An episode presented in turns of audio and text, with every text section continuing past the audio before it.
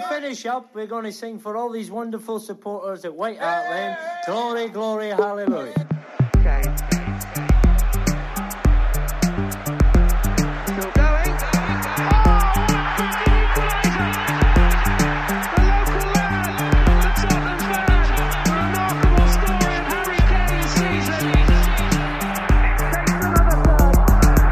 Hi, I'm Nicky King, and you're listening to the Golden Cockerel podcast. Hei alle Tottenham-venner, og velkommen til en rykende fersk utgave av Golden Cockerel. I 95 minutter på søndag var jeg sikker på at vi skulle sitte her godt fornøyde med tre poeng og en meget bra gjennomført kamp av Tottenham mot Newcastle, men sånn skulle det ikke bli. VAR, hens, dommer, FA og hele den bøtteballetten sørget for at kampen ender 1-1, og dermed måtte Spurs nøye seg med ett poeng. Og med meg for å blåse ut litt frustrasjon, men forhåpentligvis ikke bare det, har jeg Petter Frydenlund, velkommen. Ja, takk for det. Ole Andreas Olsen, velkommen. Takk for det. Og Erik Heimdal, velkommen. Tusen hjertelig. Erik Heimdal eh, er med oss i dag. Du er eh, journalistikkstudent ved Universitetet i Bergen Stemmer det? og frilansjournalist. Og så har du litt sånn uh, forskjellige spennende prosjekter på si også. Skriver for eh, PL Norge. Stemmer. Yes. plnorge.com eh, må dere sjekke ut. Og så har du en blogg, Fotballens hule. eh, .blogspot.no. Og så har du en eh, veldig god, interessant YouTube-kanal der du snakker mye om eh, egentlig ganske bredt fotballaspekt der, da. Jo, tusen hjertelig. Så den anbefaler jeg. Den har jo allerede blitt anbefalt her i podkasten tidligere, så den er det bare å, å sjekke ut eh, for alle som er glad i fotball. Uh, Ole Andreas, du har som vanlig ansvaret for å stille innsendte spørsmål. Ja, Så du får bare fyre løs underveis når det det dukker opp noe som er relevant. Det har kommet spørsmål om uh, hva vi syns som var uh, hens og så videre. Eh, ja, nei, eh, vi kan jo bare ta noe med en gang. Ja, skal vi gjøre det, men- Ja, Runar Thorsvik på Facebook han spør eh, diskuter gjerne hens-regler. Ja. Det, det kan vi ta og sitte her i noen timer. Um, eller, eller er det egentlig sånn at det er helt klinkende klart at sånn som de er nå, er helt feil? Det, ja, jeg syns jo det, men uh, i gamle dager så var det viljehens er viljehens. Ja, altså, Det er i hvert fall ganske klart at eh, sånn som det er nå, så funker det ikke. For nå er det jo gått helt inflasjon i å blåse straffespark og rope på straffespark og alt pga. hens, og det er jo ikke annet det snakkes om etter kampene. Eh, Så eh, at ting ikke- ikke fungerer, det er jeg i hvert fall ganske, ganske klar på. Ja, altså i den situasjonen i gårsdagens kamp eh, bestrider jo logikk. og Det er jo et begrep som virker å dotte vekk når de nye reglene ble laga. Sunn fornuft fins liksom ikke lenger. og ja, Det som skjer, og de såkalte nyvinningene og endringene av reglene, det blir bare mindre og mindre fornuftig, spør du meg. Jeg, jeg hørte jo på eh, PL-podden til Vikstad og co. foran forrige sesong, hvor Bobby Medley eh, var gjest. Og Da var det mye snakk om hensen til Sissoko i CL-finalen. Og da sa han at det vil ikke være hens i øh, den sesongens Premier League, altså forrige sesongs Premier League. Mens nå ser vi at alt er hens. Ja. Ja, Det viser vel tallene også ganske tydelig fra, fra Serie A og La Liga da, i fjor forrige sesong, sammenligna med Premier League forrige sesong, hvor mye flere situasjoner det var. Det var vel 40-50-60 opp mot uh, straffespark på hens i løpet av en sesong. Altså, Hvem er det som vil at det skal være sånn, da? Det er jo det er ingen som vil det.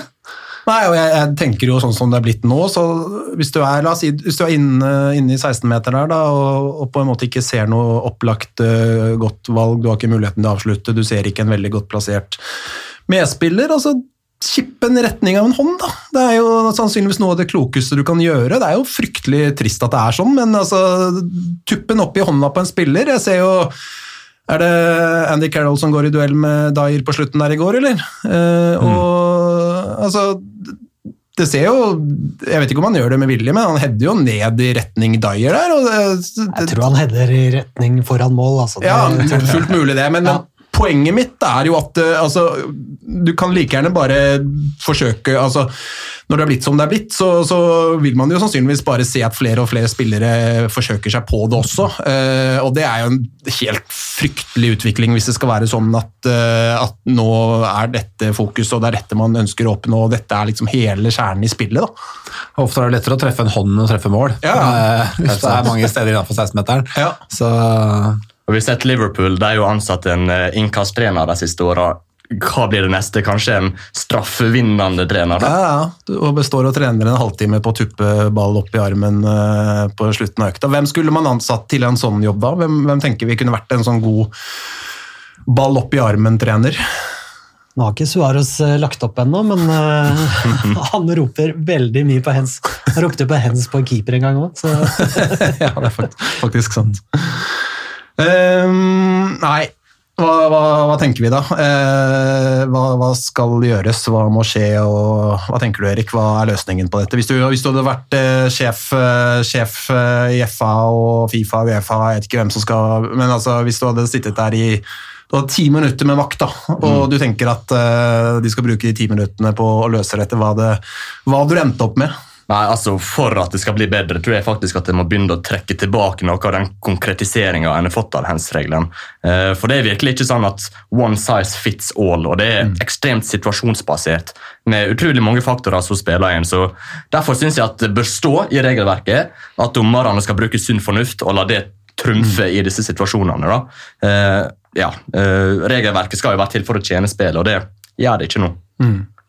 Nei, i, går, altså, i, går så jeg er så heldig at jeg har en sønn som er eh, Han har ikke fylt fire år engang, men han har lyst til å se Han har begynt å lyst til å se Tottenham-kampen sammen med meg. Og setter seg ned og, og ser på, stiller spørsmål og følger med. Og egentlig alt er helt topp, men, men når den situasjonen oppstår, da, med de, ikke, sant, ikke bare hensen, men altså de fem minuttene det tar med fram og tilbake og offside og armhuler og alt det rundt det, da. Jeg bare så hva han falt av, liksom, interessen hans bare det, det dreper jo det dreper jo liksom det som er gøy, da. Og det som gjør at det er på en måte noe vi har lyst til å bruke tida vår på. Og så er vi på en måte holdt med så lenge at vi klarer ikke helt å slippe det, men, men, men man ønsker at folk skal få den eh, interessen. da. Jeg merka hva det gjorde med min interesse for kampen akkurat der og der. Det var, jeg kan jo bare tenke meg, det var en fireåring prøve prøver på. Jeg hadde min tiåring og gjorde akkurat det samme. Det var bare opp med mobilen og så begynne å spille et eller annet spill, for det tok så lang tid. og det fenga ikke i det hele tatt. Det må jo være den ultimate foreldretest. Det å forklare hens-regelen til, til, til et barn. Da, da skal du ha god tid og stor, stor nysgjerrighet hos mottaker. Nei, men jeg syns egentlig Brede Hangeland eh, sier det ganske fornuftig. ja. At de får ta uh, Willy Hensen. Altså, Det var jo sånn det var, i hvert fall ble praktisert før. Altså Hvis en, eh, hvis en spiller eh, drar ut armen og si, redder en ball på streken med vilje, så er det selvfølgelig klart. Og så kan jeg jo strekke meg til at hvis en spiller gjør seg veldig mye større og, og avverger et skudd som ville gått i mål, da, så, så er jo det også greit å ta, men at du skal ta det der som streifer borti armen og som uh, spretter oppi og med ryggen til altså, Sånn som Erik går, da, liksom, han hopper opp Det fins jo ikke et menneske på denne jord som hopper opp Uh, og, og skal lande igjen med armene inntil kroppen. Altså, det er jo det mest unaturlige å gjøre, og med ryggen til og fra en halv meters avstand. og det er jo Han får seg også en liten knuff i ryggen når han Ja, ja. hopper opp, så da er det jo naturlig å kompensere med å flakse litt med armene. Og det irriterer meg eh, vanvittig, fordi når VAR, altså dommer da, går ut og ser på den der VAR-skjermen, det første han blir møtt med er et stillbilde, i hvert fall sånn som jeg husker det, så, så var det et stillbilde av Erik Dyer med armen rett ut, for det har han jo et eh, tidel der, hvor ballen ligger oppå armen. Og det er klart, Når han blir møtt med det altså ser En blind høne vil jo da på en måte tenke at det er hens. Altså det, det er jo ikke noe tvil om at ball treffer armen, og, og, og, den, og det er det første han blir møtt av. Og selvfølgelig får han da liksom en sånn uh, umiddelbar oppfatning om at dette er hens. Men det han må se på, er jo det som skjer Altså Det er en dytt, en, det er litt, eh, som, som gjør at han eh, får en litt sånn unaturlig, ukontrollert bevegelse med hele kroppen. Han skal opp og hoppe der. altså Armene vil jo helt naturlig gå litt ut. Ja, Det kan godt hende at den hensen er riktig, at det finnes noen forskrifter på at det er riktig. Det, det, det er helt eh, Det kan godt hende, det, men, men det er jo hele reglementet. altså Det er der problemet ligger. Det, det er jo ikke, ikke var i seg selv. for det kan, de jeg vil jo anta at de gjør riktig. Altså, de sitter jo en haug med mennesker inn i den bussen der som, som kan dette reglementet bedre enn eh, alle andre, men, men, det er jo reglementet som er eh, helt på trynet.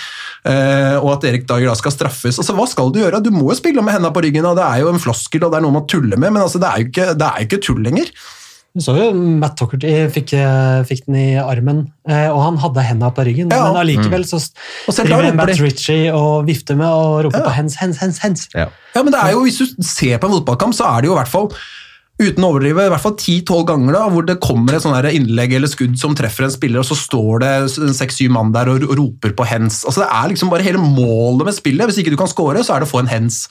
Eh, det er jo ikke annet, eh, og det snakkes om hens hele tida. Det er hens, hens, hens. Det er ikke annet å fokusere på. Jeg har lyst til å etter en kamp høre snakk om taktikk og motspill og spill og angrep på enkeltspillere og dødballtrekk og sjanser og redninger og spillere. Det er det som er gøy, men det er jo bare hens hele veien, og det er en ball som spretter opp, og den er så vidt borti, og er den høyt nok opp, eller hvor er armen, og hvor er skulderen, og er den borti, og var det med vilje, var det ryggen til, har den armen naturlig? altså Nei, jeg får helt utslett. Altså.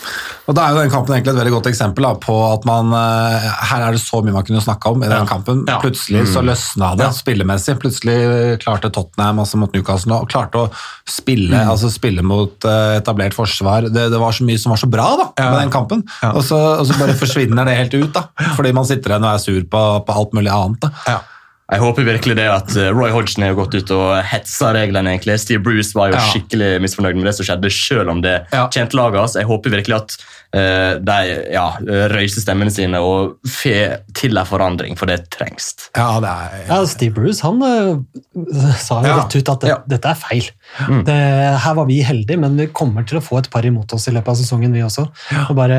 Uh, bare eh, drodla litt eh, på direkten her. at vi, vi, Kanskje vi burde gå sammen, klubbene, mm. managerne, mm. og si at sånn her kan vi ikke ha det. Mm.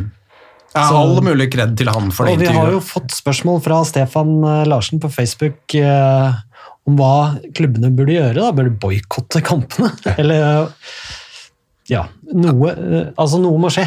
Um, det er jo veldig trist hvis man må gå til eh, skrittet der da, for at de høye herrer skal eh, forstå dette. Eh, nå mener jo alle, altså trenere, spillere, eksperter, fans, alle synes jo dette er helt idiotisk. Det er jo ingen, omtrent, som, som, som, som syns situasjonen er bra som den er nå.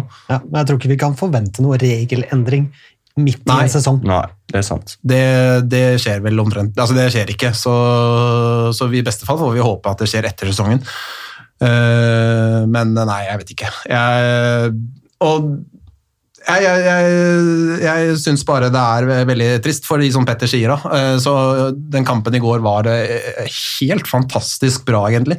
Spesielt første omgang, men egentlig altså, kampen sett under ett, strålende. Det er det er lett å bli litt sånn uh, historieløs og, og, ha veldig korttidsminne, men jeg, jeg, jeg syns det er det beste Tottenham har levert på ganske lenge. Da. Jeg kan ikke huske å ha sett Tottenham så bra under Mourinho, eller egentlig på, på ganske lang tid. Uh, Newcastle Altså, Tottenham har jo mange ganger under Mourinho lagt seg lavt og overlatt initiativ til motstander mot laget på Newcastles nivå uh, under Mourinho.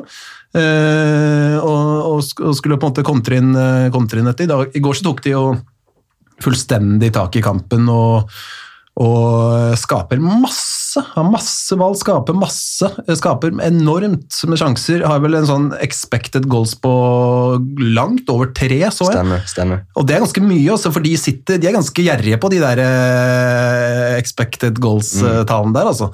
Så så blir vi sittende her og snakke om hens, da. Det er jo, det er jo. Veldig surt. Veldig surt. Ja. Men hva, hvorfor, uh, bare skyte ned, hvorfor, hvorfor tror dere Tottenham spilte, spilte så godt i går, da? Ja, hva tenker du, Erik? Nei, jeg tenker det at eh, Newcastle la seg jo lavt. Jeg må si det at jeg var ikke spesielt imponert over Newcastle. Det var lite press på ballfører, eh, og rommet mellom forsvar og midtbane var rimelig stort. Så Lo Celso eh, han fikk gjerne en pasning fra Høibjerg inn mellomrom, og der fikk han holde på litt som han ville. da. Men det er klart at når det klikker mellom Son, Kane Lo Celso, da skaper en store sjanser. og Det var det som skjedde spesielt i første omgang, at de klarte å finne tonen, kombinere, og da blir det farlig. Det var eh, i hvert fall tydelig at de hadde tenkt å ta tak i kampen og styre det. Og eh, eh, jeg har jo venta litt, eller håpet på det i hvert fall, at det var noe av det de skulle utvikle denne sesongen her i forhold til forrige. Eh, og eh, For det var det jeg savna mest forrige sesong. Altså det at de alltid altså de, overlot alltid initiativ og possession og matchen egentlig til motstander. Så var det uansett omtrent hvem du møtte, så var det, så var det sånn. Eh, Så hvis eh, vi får se mer av det vi så i går, så er det lov å være optimist. For jeg var usikker på om tatt hadde de oss eh, lenger. Altså, Ja. etter, spesielt etter de to kampene i Øst-Europa der òg, hvor du liksom møter motstand hvor du som skal kunne dominere ganske greit mot. Da, hvor, hvor lite sjanser klarte å skape i løpet av i løpet av 180 minutter mot de to lagene der. Og ja, Det var fortjent at de vant begge to kampene, men, men det var eh, med kniven på strupen og, og lite Ja, Det var tafatt. Ja, når vi ligger under der, eh, borte mot eh, Plovdiv Mm. Plodiv. Unnskyld. Unnskyld. da, da har jeg bare tenkt nei, nei. Jeg orker ikke.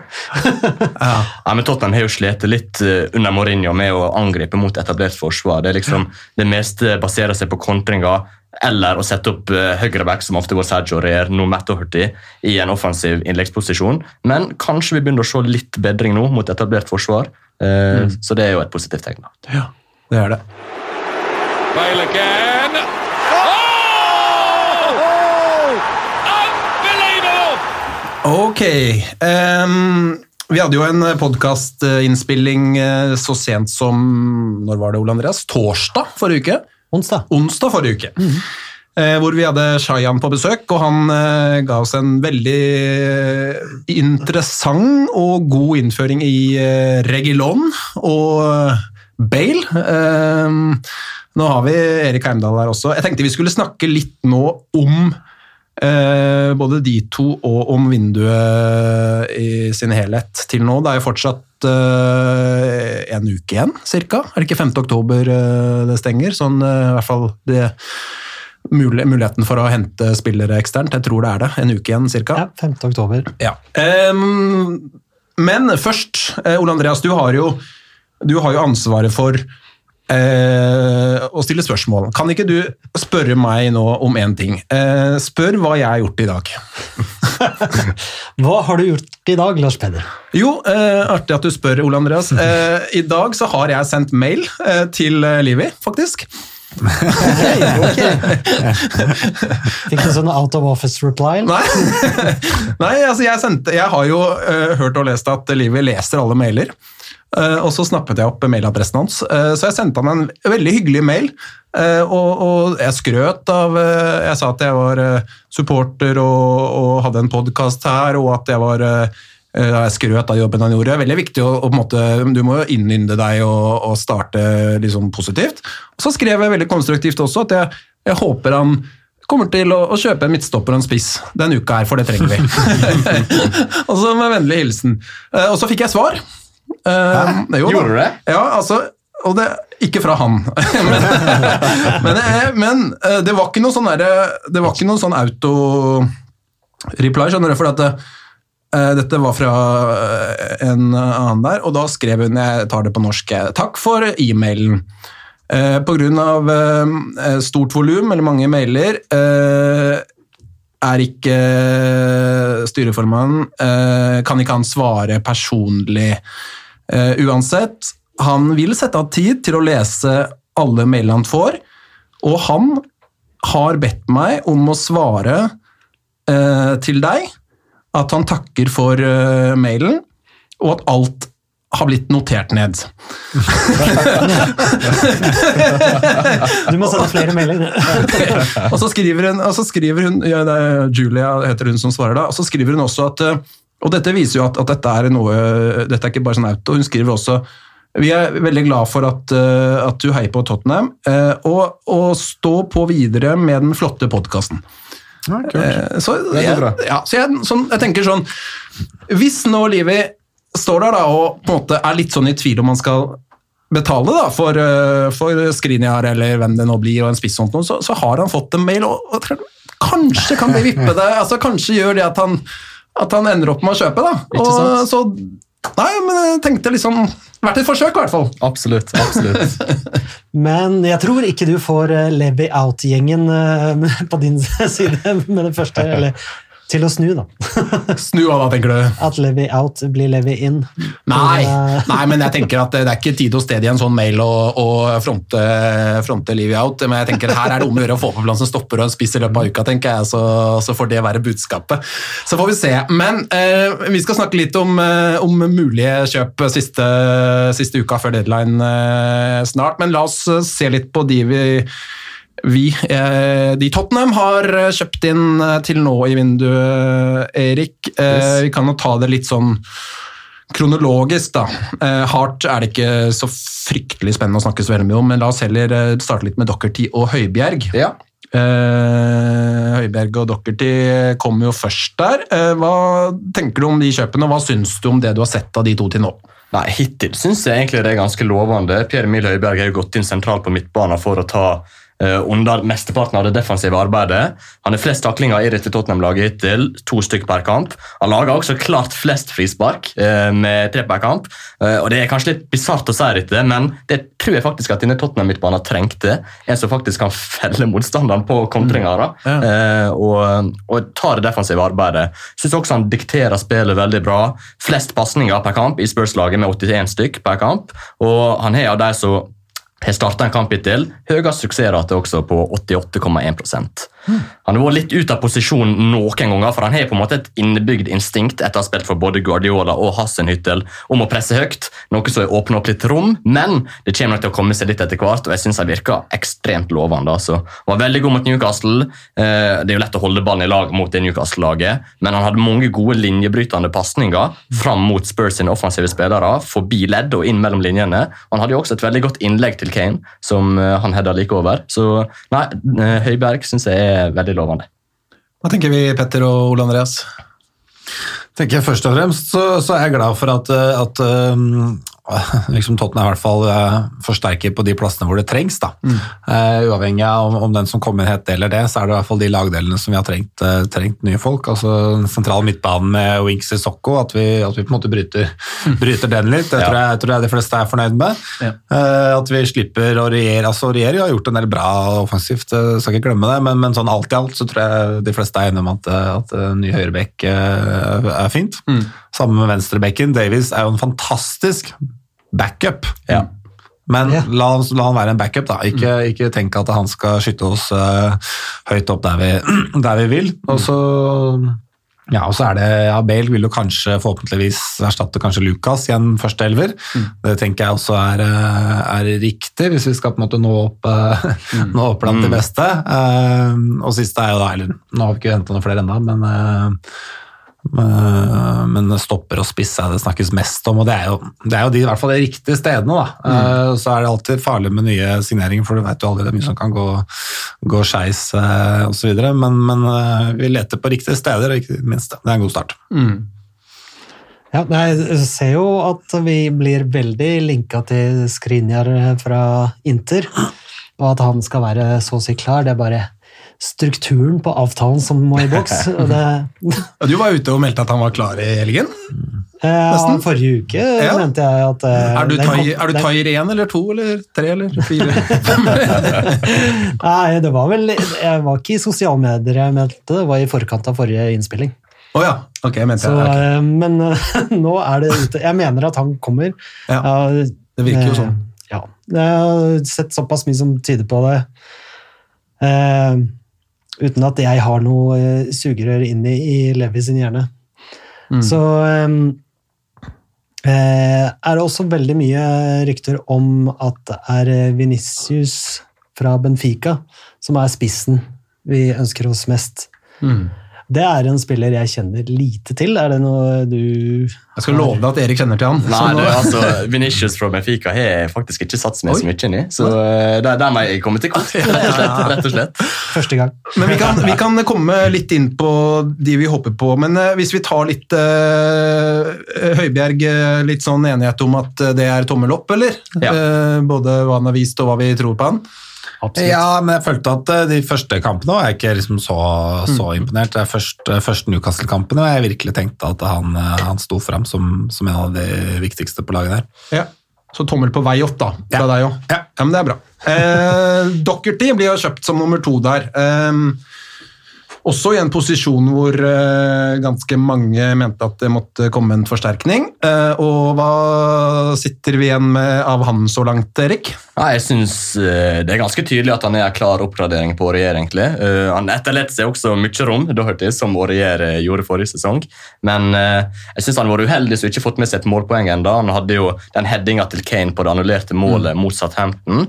Og han er faktisk den spilleren som har vunnet flest hodedueller per kamp i dette Tottenham-laget hittil, med 4,7. Så han tilfører jo duellstyrke i laget også, eh, noe som trengs.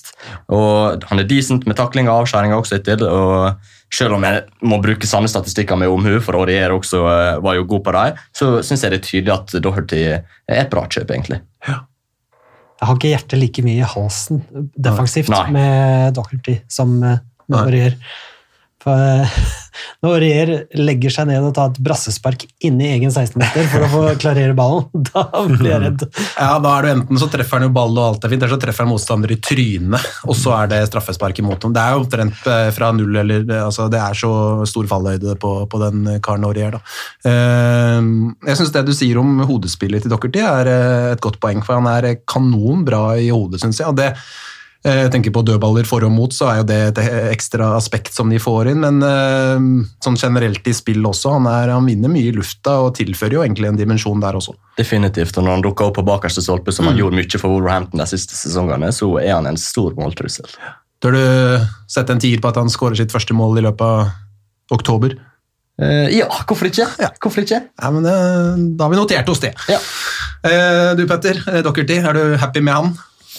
Ja, jeg syns han ser, eh, ser bra ut. Ja. Han har eh, de kvalitetene man ønsker seg fra en back, egentlig. Han er, eh, så ser ut som han har sånn god innstilling til, til fotball. At han er litt sånn kriger og en som kjemper litt. Og, det gjelder for så Tøybjerg også. At man, liksom de som kommer inn og er litt, er litt bra karakterer også, da, og får inn, i, inn i en tropp. Så ja, positivt. Ja. Jeg håper at det blir litt sånn ketsjup-effekt på han, for han har liksom vært veldig nesten mye nå. Så eh, gjerne at han får til en scoring eller målgivende i neste kamp, Ja. allerede i morgen mot eh, Chelsea. Ja. Hvis ikke det er Aurier som spiller den. Ja. Mm. Men hvis vi, hvis vi stopper opp litt uh, ved de to, da, eh, så er det jo naturlig å kanskje spørre Er det sånn nå under Mourinho at uh, Tottenham kjøper litt andre hva skal jeg si, spillerprofiler, da? Er det litt mindre spektakulært? Eh, verken Høibjerg eller Dockerty vil vel noen gang bli verdens beste fotballspiller, men og, som videresalgsverdi, da, som var et ganske sånn hyppig nevnt tema under Pochettino. Eh, Det er det kanskje litt mindre fokus på også, men de er solide kjøp. De kjenner ligaen veldig godt. De kan gå inn og fylle en rolle. Er det litt sånn ja, Litt mer sånn eh, mindre spektakulært og mer trygt? Ja, jeg tror det er godt mulig. altså Mourinho er jo glad i litt mer erfarne spillere. eh, og det synes jeg i hvert fall Signeringa av Doherty er et godt eksempel på. Han begynner vel å komme inn i sine late twenties. eh, og det er sannsynligvis ikke, ja, sannsynligvis ikke en signering som ville blitt gjort under Pochettino, tror jeg. Og Han blir jo ikke linka med så mange ja, hva vi skal si, spennende kantspillere fra Ligue 1 lenger, sånn som George Kevin Nkodo og Clinton NG. Eh, og selv om det franske markedet er mye kult, så er jo det kanskje like greit. da. Eh, men ja, de signeringene som ble gjort nå i sommer, tyder jo også på at Daniel Levy tenker at laget skal lykkes nå, og ikke om et par år. Det, er ikke, det er ikke et langvarig prosjekt. Det skal eh, liksom være resultat eh, enten nå eller neste sesong. Eh, det er også Bale-signeringa et godt eksempel på, syns jeg. Og der, må for å si litt om det, I et større perspektiv også, da, så har jo rekrutteringa av, av nye spillere var jo på en måte det som gjorde Tottenham til et topplag. da. Fra 2005 til sånn ca. 2015 så var det jo liksom hvordan Tottenham skjøt gull i, i så, mange, så mange situasjoner Mer unge, spennende spillere som tok, liksom, som tok steg. da. Noen ble solgt videre, og noen eh, ble værende. Og, og, men det snudde sånn ca. 2015. altså Hung Min Son ble henta i 2015, for fem år siden, og, og siden det så, så mener jeg at Tottenham har ikke gjort et eneste ordentlig godt kjøp. Så er det mange som mener at uh, Tottenham har ikke brukt nok penger osv. Men ser man, på, ser man på summene Tottenham har brukt, så er det faktisk en god del spillere som har brukt penger på. Altså. De har brukt penger feil. ja. Jeg har, eh, jeg har en, lagd en liste her før jeg kom hit med, med spillere. De dyreste spillerne vi har henta siden 2015, det er uh, denne gjengen her. Er Davinson Sanchez, Aurier, Ndombele, Cézinho, Jansen, Lo Celso, Nkodu, Jack Clark, Foyf, Jedson, Sissoko, Lucas, Bergwijn og Lorente. Alle de spillerne jeg nevnte nå, har kosta en god del penger. Noen mer enn andre, selvfølgelig. Men, men, men jeg, sånn, så, så er det flere av de jeg nevnte, altså kanskje spesielt Lo Celso og dem, Ndombele og, og Bergwijn, kanskje, som, som fortsatt kan vise seg å være gode kjøp på sikt. Men, men fram til nå, i hvert fall, da, så, så tror jeg egentlig alle vil være enige med at ingen av de spillerne jeg nevnte nå, har vært, uh, har vært verdt den prisen vi har betalt for dem.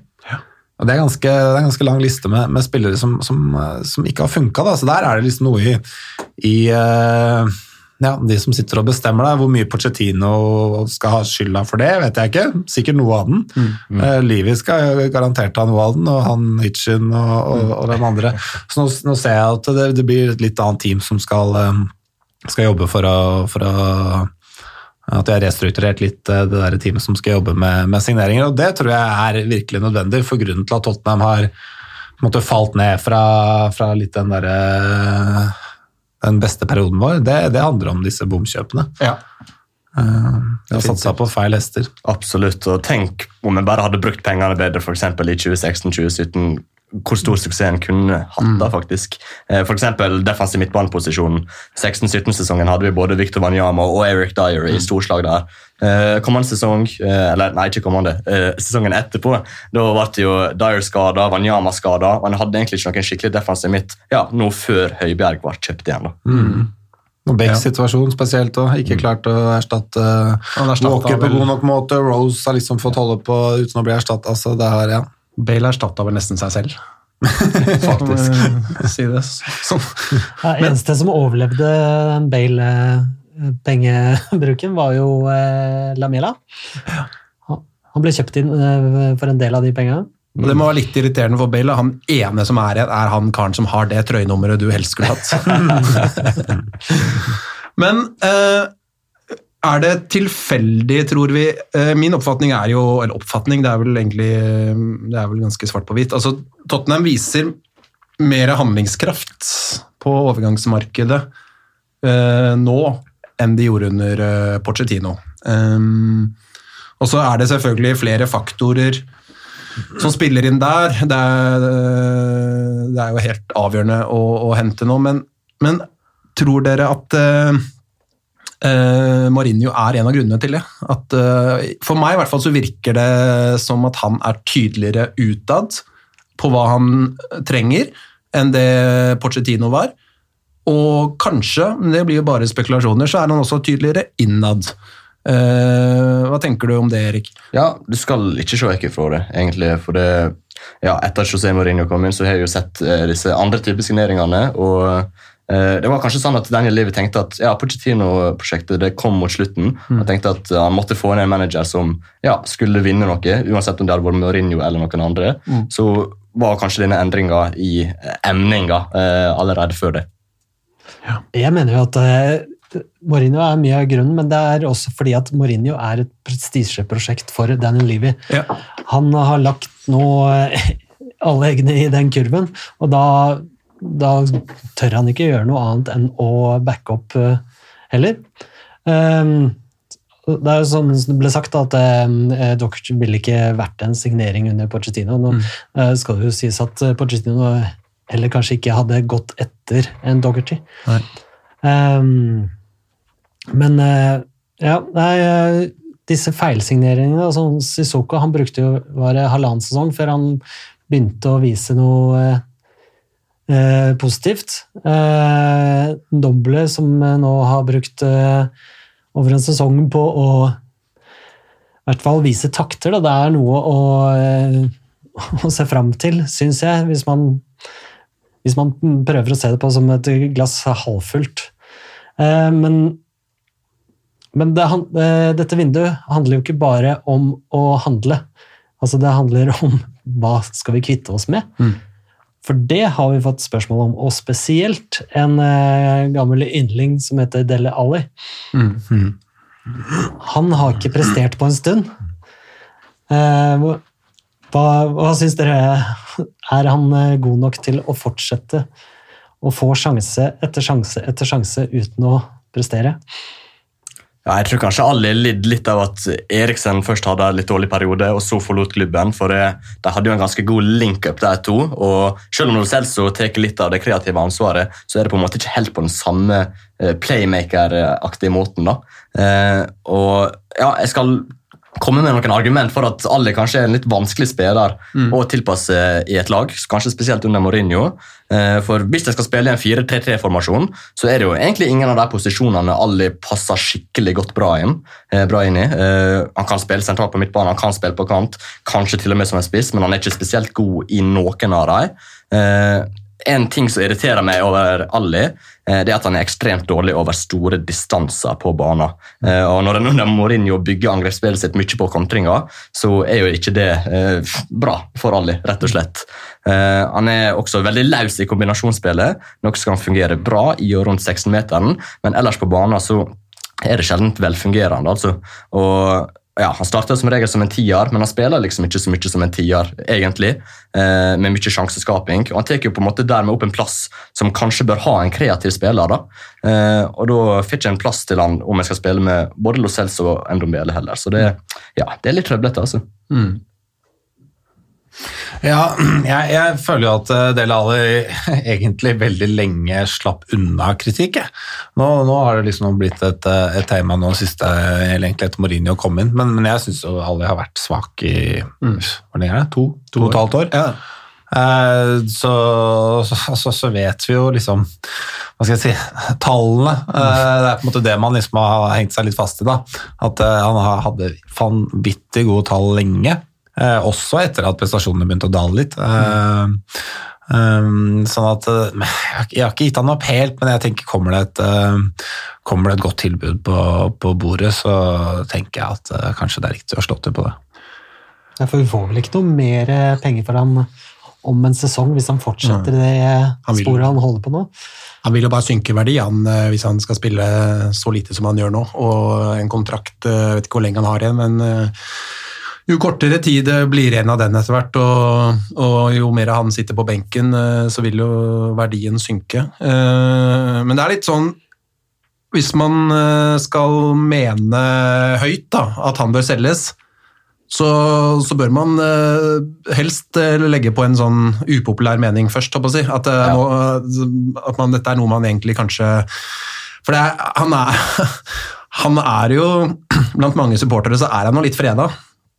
Eh, jeg tenker jo hvis han hadde eh, vært en annen enn den han er, og si, ikke engelsk kanskje Men altså hvis, han, hvis man bare hadde sett på prestasjonene hans øh, og ingenting annet enn det, og sett bort ifra at han er en sånn Wonderboy som eh, på en måte kom ung og ble veldig tidlig god i Tottenham og er en kul fyr og en, var en enorm fotballspiller første året, men ser man kun på det han har levert siste to to og et halvt, jeg vet ikke når det starta, to og et halvt årene kanskje, så er det jo finnes det argumenter for at, han, eh, at man, man kan cashe inn. Det er jo sikkert en spiller de kan få ganske mye for også, men jeg er jo likevel så er jeg jo blant dem som tenker at jeg har jo fryktelig lyst til at han skal lykkes igjen. da.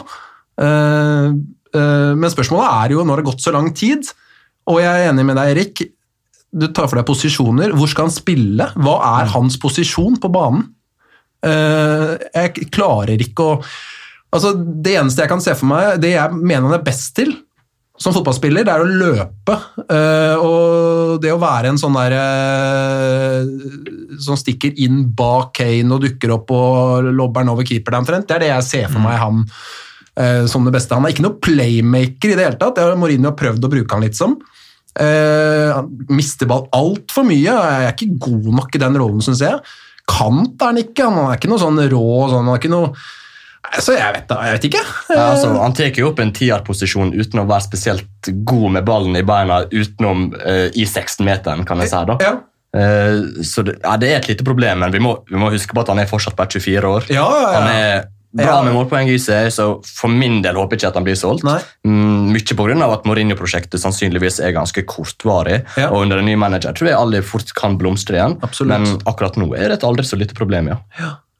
Nei, det er, eh, det er vanskelig, men jeg eh, la det være klart. Jeg, det er ingenting jeg heller vil enn at Ally skal finne tilbake til der han var, for da var han eh, helt enorm. Men eh, det begynner å bli litt for lenge siden. Jeg så eh, på den Amazon-dokumentaren, eh, så syns jeg Mourinho altså, de aller aller beste er gode i kamp etter kamp etter kamp. etter kamp. Um, eh, er liksom god, han har noen sånne øyeblikk eh, som gjør at man kan si at han har et stort potensial. Men jeg savner det der at han er god i kamp etter kamp etter kamp, og nå er det jo egentlig en stund siden han faktisk var god i en kamp også, så det er litt hodebry for Mourinho, det der, tror jeg. altså. Ja, det var liksom, liksom Han satt litt sånn stoltheten sin i å, å få det alle til å fungere. da. At Det var liksom nesten sånn der, eh, stikk til Pochettino, at du har ikke klart å få mer ut av han her, liksom. Ja. Og så spilte han noen gode kamper, og så ble, han liksom, ble han sjenert for å ha fått alle i gang igjen. da. Fordi selvfølgelig alle som skal mene noe, er jo kjapt ute med det. Eh, inkludert oss selv. Eh, så, så, og så går det jo litt tid, da, og så ser man jo kanskje at eh, ja, det var, det var jo grunner til at ikke, ikke Pochettino brukte han like mye òg. Og da lurer jeg litt også på eh, Nå er jo Mourinho Akkurat nå så driver han jo og utelater Delali fra troppene og sånt. Eh, litt sånn som han drev med Ndombele eh, for er man slutten av, eller store deler av forrige sesong. Og så har det jo gått ser ut da, som ting er på gang for en Dombelé nå, i hvert fall. Det ser ut som uh, Mourinho skryter jo veldig av han, og det er vi jo glad for alle sammen. Eh, er det litt sånn samme bruk, Bruker han de samme sidene i boka si nå, Mourinho? Skal han prøve, prøve å få frem den samme reaksjonen hos uh, Del Alli? Du skal ikke se vekk ifra det, for eh, jeg tror han har lyst til å tenne en liten gnist der. Det virker det som han har gjort med Ndombele nå. Mm. og jeg skal ikke se vekk ifra at det samme kan skje med Alli, nei. Så hva tror vi, gutter? Er, er Del Alli i Tottenham om ett år? Jeg tror ja. Om ett år? Jeg tror ikke han er her om en uke engang. jeg tror han forsvinner i løpet av uka. Okay, ok. Har du et stalltips på hvor han uh, ender? Eh, lån med opsjon hos PSG. Ja. Ja, jeg tror, jeg tror ikke vi får en god nok deal til at vi lar han gå. Det får vi se på om Hva tror du, Lars Peder? Eh, Jeg håpet du skulle ikke spørre, men eh, jeg tror eh, Jeg tror eh, Jeg tror han blir, jeg. Det ender som regel sånn. De fleste blir. Vi får se. Hi, I'm Ledley King, and you're listening to the Golden Cockerel podcast. Yes, um, la oss snakke litt om de to sist ankomne. Eh, foreløpig sist ankomne, sier vi med optimisme i stemmen. Uh, Bale og Regulon. Regulon, Regilon! Regilon. Det er ikke U på spansk, er det ikke? Det stemmer ikke det, Erik? Regilon er ja. Da har vi notert det. Har du ikke hørt det podkasten med Shayan? Jo. det er en U, det der, det der U-en han har i eh, navnet sitt, burde han jo bare fjerne, når ikke de har U på spansk. Det er fryktelig meningsløst å ha U i eh, Ok, nok om det. Ikke noe mer sånn språkråd i dag. Arne Strand skal være gjest neste gang. Nei, jeg skal ikke det. Eh, ok, Erik. Eh, Bale og Regilon. Eh, hva tenker du om de to? Nei, altså, Vi kan ta Gareth Bale først. da. Eh, jeg er veldig spent på hva slags Bale vi får her. Eh, er han toppmotivert og uten skadeplage, så er det uten tvil en ekstremt god deal, spør du meg. Eh, men altså, muligheter for at han ikke er på sitt beste, er jo der fortsatt, så det er en liten risiko. Men det er jo veldig spennende. Vi vet utrolig lite om eh, om han, rett og slett, ettersom han har spilt veldig lite fotball i Real Madrid de siste to åra. Og når han har vært på banen, har ikke han levert så veldig bra, men så har han jo ja, jobba og spilt i et uh, giftig miljø da, kan jeg si, de siste sesongene, der han konstant er blitt bua på og ikke hatt et godt forhold med Zinedine Zidane. Eh, og Det har nok gjort det vanskelig å prestere, og vi kan faktisk se at et miljøskifte gjør at vi får en revitalisert Gareth Bale. Ja.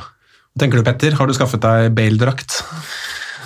Ingen, eh, ingen Bale-drakt eh, foreløpig, men eh, det er jo litt sexy, da. Ja. Rett og slett. Det er mer sexy enn Dockerty og Høibjerg, kan vi være enige om det? er det, og jeg vet ikke om det, blir noen suksess. Det, det er jo vanskelig, vanskelig å si sikkert, men, men det er litt gøy, da. Og det, litt, det, skaper litt sånn her- det skaper litt sånn glede og entusiasme og i liksom ja, Vi hadde den grusomme kampen mot Everton, liksom, og, så, og, så, og så kommer det. Liksom, du snur veldig mye, da. Så, så jeg håper jo det, det kan vare. Og, og hvis han kommer tilbake og, og gjør en god jobb, så er jo det bare Ja, det er en ønskedrøm, det. Ja, det er jo det. Jeg har lest at eh, både Bale og Regulon var sånne eh, De var ikke målretta signeringer, det var litt mer fordi at eh, muligheten bøy seg. Ja. Så, så tok den eh, Levinen. Det var litt sånn van der Fart. eh. Ja. Så, eh, så sånn sett så skal ikke det innvirke på resten av transferbudsjettprosjekt. Men, eh, men jeg, nå snakka vi jo med Shayan på eh, onsdag, og han sa jo at Bale er jo en soleklar høyrekant nå. Men jeg mener jo at eh, han kan han, Vi kan spille 4-3-2, og så en Bale eh, vandrende rundt omkring. For han er en trussel. Han vil jo eh, prøve å skyte fra overalt på banen, for han har en slegge, venstreslegge av en annen verden. Og når han eh, Den sesongen han dro, så hadde han vel bare ni skåringer mm. utafor 16. Ja. Så eh, hvis vi får se litt av det igjen, så, eh, så må eh, andre lag begynne å oppføre seg litt annerledes mm. mot oss. Ikke bare passe på Harry Kane i boks. Mm. Og det kommer jo til å være et våpen, for han er jo veldig god fra distanse. Eh, og når han ligger, ja, eller når motstanderen ligger i en lav blokk, så er det å ha gode eh, langskudd i laget rett og slett veldig bra, for da må motstanderen fram og presse, og da kan det bli enda mer rom for f.eks. Kane inn i boks. Ja, hvis vi får se Bale på 80% av det han var forrige gang i Tottenham, så tror jeg vi skal være strålende fornøyd. Jeg satt og så en del av de skåringene hans fra siste sesongen eh, tidligere i dag. Og det er jo, som du sier, Ole Andreas, det er jo bare sånne raketter opp i krysset. Det er, det er helt vilt. Jeg tror ikke vi skjønte da hvor, eh, hvor god han egentlig var. da. Eh, og Det som er litt kult med at Bale har signert nå, er jo at Tottenham er jo veldig flinke. Den offisielle kontoen de legger jo ofte ut sånn Sist gang vi møtte Newcastle, og for fem år siden vi møtte Newcastle og sånt, nå, det, nå får vi masse Bale i monitor, for nå viser de alle de der Bale-greiene som han drev med for eh, syv-åtte år siden. Så det er, uh, bare det er jo verdt signeringen alene. Ja, Bale var jo også eh, coverstar på Ja. eh, programmet som, foran eh, Newcastle-kampen. Ikke sant? Så Han kommer utvilsomt til å tilføre mye mer positivitet rundt klubben. Og han kommer nok til å bringe med seg en vinnerkultur også fra Real Madrid. Han er jo en skikkelig matchvinner. Vi så jo det i Champions League-finalen mot Liverpool med brassespark og langskudd der. Eh, og han kommer til å heve standarden på alle rundt seg og tilføre en slags X-faktor. da. Hvilke Bale-skåring er det du husker best, da? Fra sist? Westham borte, eller? Ja, den er en god kandidat, den, ass. Jeg husker veldig godt den der mot Stoke òg. Ja. For dette er noe med vinkelen på hvor kameraet står, og oppi det hjørnet at den bare broderer seg oppi det der høyeste nettmaskekrysset der. Altså. Så den, selv om det er liksom Ja, den, den sitter langt fremme. Ja, Det er helt vill skåring. For meg så er det alltid interkampene Ja. som blir trukket fram. Både hjemme og borte. Når det var taxi fra Maicon og hele greia. Det er fantastisk. United borte hadde han jo et par, husker jeg. Norwich borte. Da feirer jeg jul i England og på Carrow Road med han eh, som løp av gårde fra, fra alle der. Det var eh, ja, Det er det bare min sånn som gjør bedre. ja. Ja, jeg husker også den kampen der borte mot City som vi burde ha vunnet, og Ja. Holtelli burde hatt rødt. Og, ja. Er det da han bare skjøv ballen opp i krysset? Han får den på 17-18 og bare Jeg tror faktisk han uh, skyter i stamfoten, så at han Ja, får en det. ordentlig dupp Ja, over uh, hardt. innøvd. Og så har han jo eh, det innlegget som er to millimeter for langt for Jermaine Defoe på 2-2 der. Som og så kommer Balotelli og sparker i hodet på uh, Scott Parker, eller? Takk. Ja, Scott Parker. Og så får han straffe etterpå. Så Ja, stemmer det. Da kasta jeg faktisk ut en City-kompis hjemmefra. Det syns jeg faktisk høres ganske fortjent ut.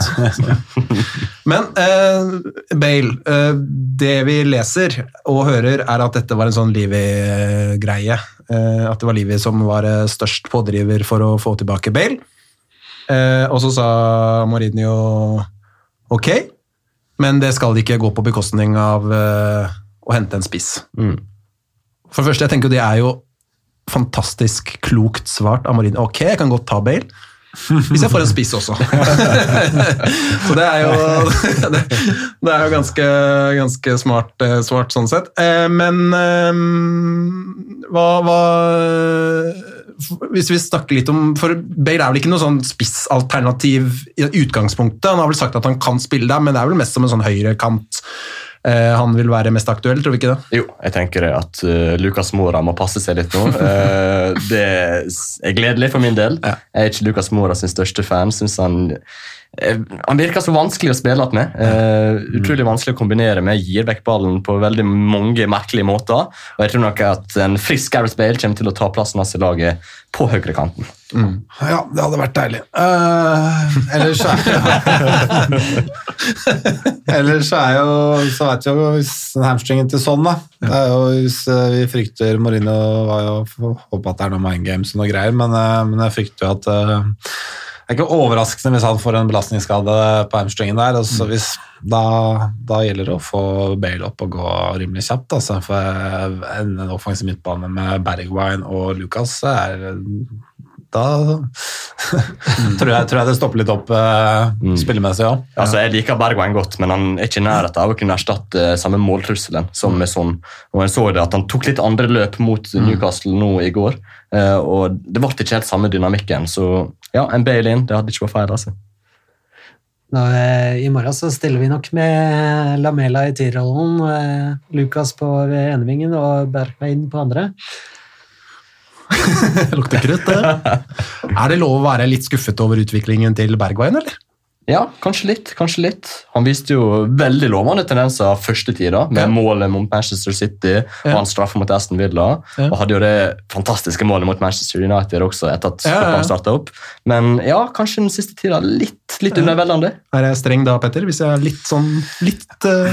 Nei, altså, det er jo, Å felle dom er jo, er jo strengt, men, men selvfølgelig altså, man må jo kunne evaluere underveis òg. underveisvurdering heter det i skolen? Ja, han, er- han er jo ikke Hva skal jeg si? Han er ikke gjort det helt store, men, men ja, det ble jo sagt når han ble kjøpt at her må vi tenke at dette er en spiller for, spiller for framtida. Så, så han er jo ikke en man avskriver, men han er jo inne på lista med blant de som kosta 360 millioner da, til sammen. Eh, Jeg trodde du skulle si at han var på lista over de du er, ikke er helt fornøyd med, og som du følger ekstra nøye med på, men Ja, nei, jeg er foreløpig er ikke overbevist, men, men eh, vi, vi gir han litt, vi gir han litt, eh, litt mer tid. Jeg, tror, Jeg syns det, eh, altså, fordi han har jo ikke fått eh, veldig mange sjanser eh, denne sesongen. Blitt kasta innpå fordi at nei, nå trenger vi å hvile noen andre, ikke fordi Ja. at vi trenger hans eh, fart eller eh, ja. Nei, la det være klinkende klart. Jeg skal ikke felle noe dom over han etter den korte tida, men jeg bare syns det var så veldig spennende i starten, så jeg håpet den pila bare skulle skyte rett i vers. Det er jo det man alltid håper med sånne nykommere. Men, eh, men vi, vi i Golden Cockerel vi er alltid tålmodige med spillerne våre og skal selvfølgelig gi han god tid til å, til å blomstre videre i toppen. Det er bra vi ikke spiller den der på kampdag. Han er me- ofte ment noe helt annet. Der får vi aldri spilleren rett etter kamp. Ok, eh, Regilon eh, Erik, han eh, er jo venstreback, en offensiv type. Nå som han kommer inn, hva tror du det vil ha å si for eh, ja, rett og slett hva slags lag eh, Mourinho kommer til å sende ut til kamp? Hvordan vil Tottenham se ut nå? Ja, eh, Sergio Regulon er jo en utvilsomt mer offensiv backtype enn Ben Davies. Eh, altså Mourinho kan fortsette å spille samme systemet der venstrebacken danner en treer med midtstopperne, sitter dypt, mens høyrebacken går offensivt. Men det vil være å waste Regulon sitt eh, eh, ferdighetsregister, spør du meg. da. Så eh, Vi har jo sett at han har prøvd litt med en 4-3-3-variant, Mourinho, eh, med offensive backer der Høibjerg går dypt. Eh, så vi kan se det, men eh, etter min mening bør Mourinho se etter å prøve ut en trebackslinje veldig snart. For da får du nytte av både Doherty og Regulon sine ferdigheter best, spør du meg. Så merker jeg jeg får litt sånn der eh, utslett når vi snakker om trebekslinje. fordi jeg kan nesten ikke huske sist at de spilte en god kamp med en eh, trebekslinje. Eh, Men jeg skjønner veldig hva du mener og, og hvor du vil, fordi det lukter jo veldig Men jeg bare merker at jeg blir ikke sånn fra meg av begeistring med tanken på Dyer, Sanchez og Toby Nei. skal stå bak der og og spille sammen alle tre, liksom. Det holder med, holder, med to av dem samtidig. Men Hadde et par ok kamper eh, i 3-5-2 under Glenn Hoddle tidlig på 2000-tallet. stemmer det? Tenk på den der mot Ja, ja. Har du helt glemt, Christian Sige. Ja.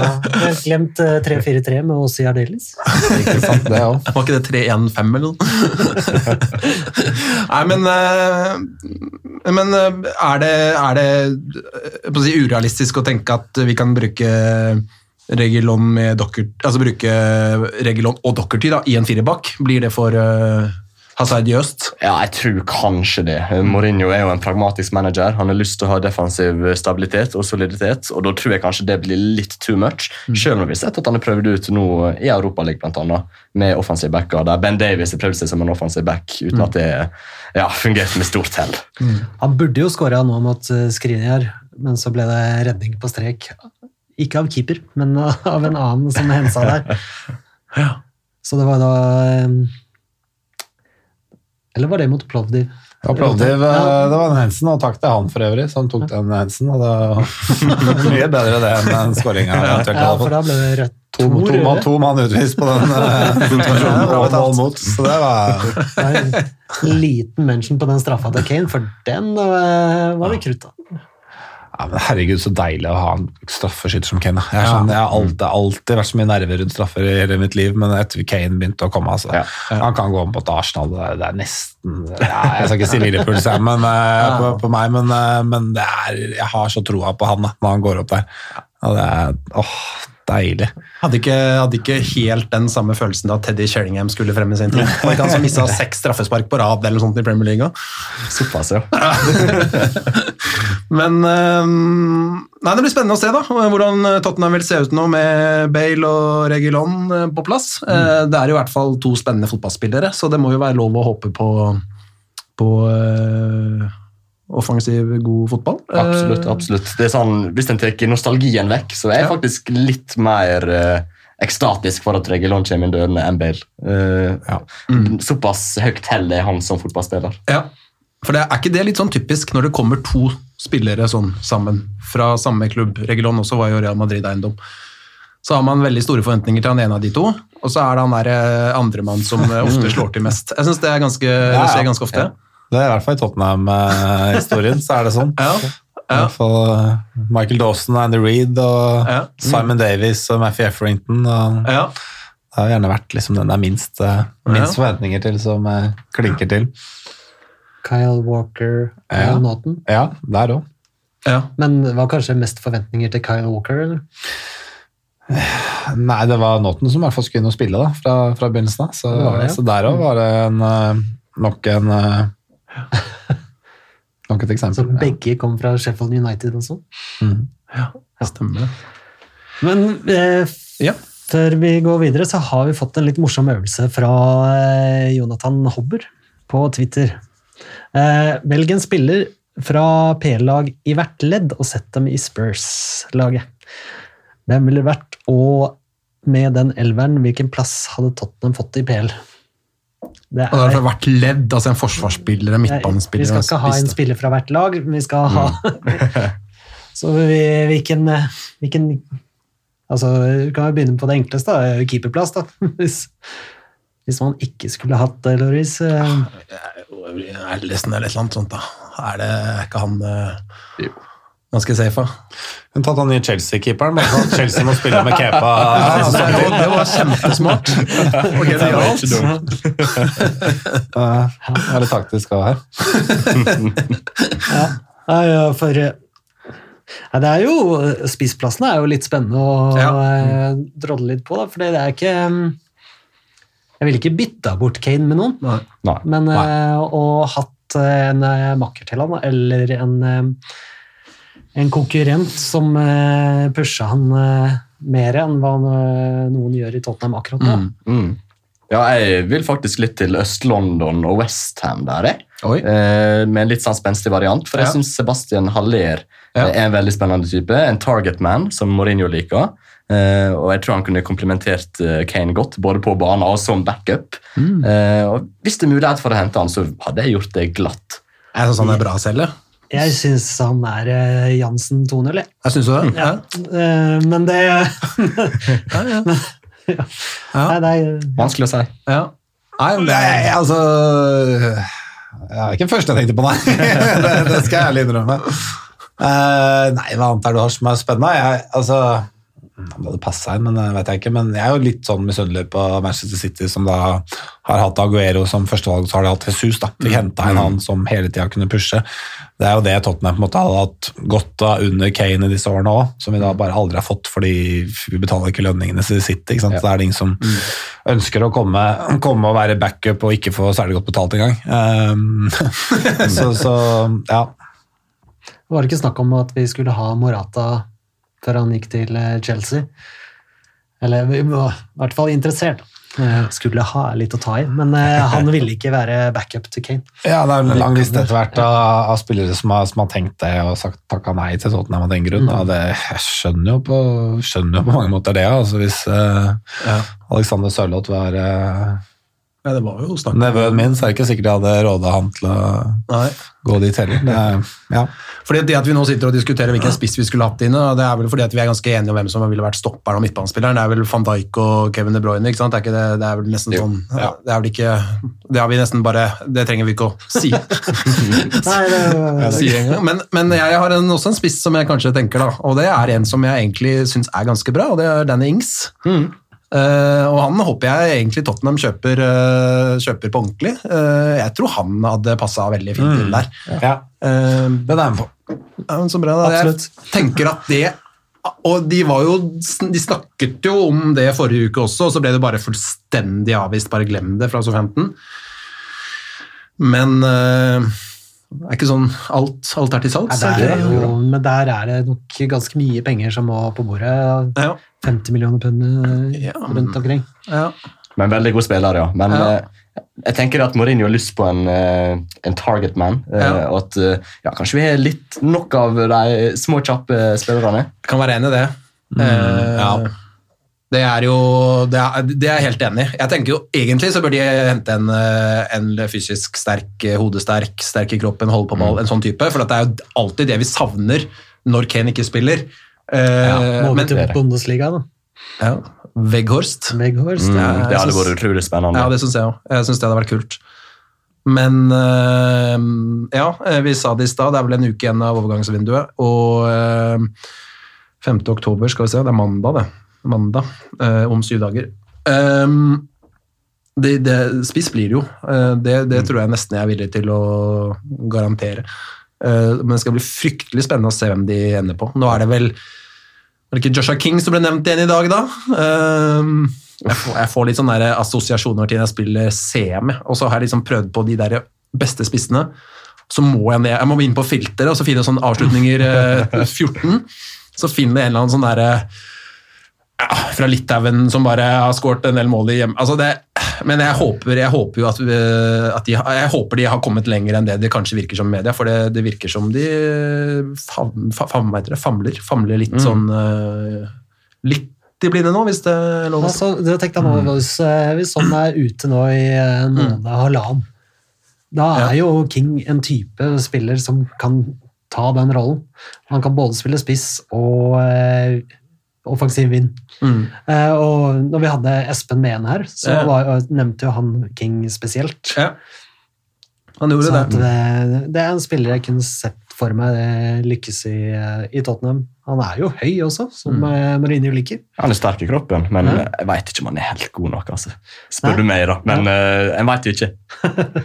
Men det er jo det at han kan spille spiss og hengende spiss og kant og hele pakka der, er jo en kjempefordel. Hvis du skal tenke på at du kan bruke han mer enn bare som en sånn Kane-backup, da, som jo eh, rene spisstyper fort blir, og kanskje makker i noen kamper. Men eh, nei, spørsmålet er om han er god nok. Det er, jeg vet ikke. Eh, jeg, jeg håper jo vi kan hente en eh, litt sånn At det blir sånn wow-kjøp, eh, som vi tenker at jøss.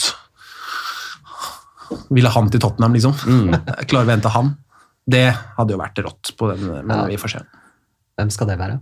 Ja, hvem skal det være? Erik, har du noen kandidater? Du, er, eh, du har bra oversikt på spissmarkedet i Europa.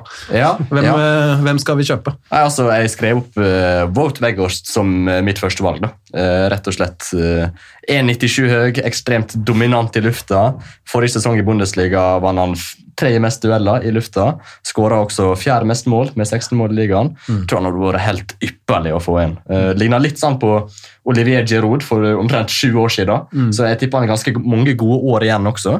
Og tror han hadde vært en fantastisk uh, signering å få inn i klubben. Du også, Ole Andreas, har jo snakket litt om Vegghorst.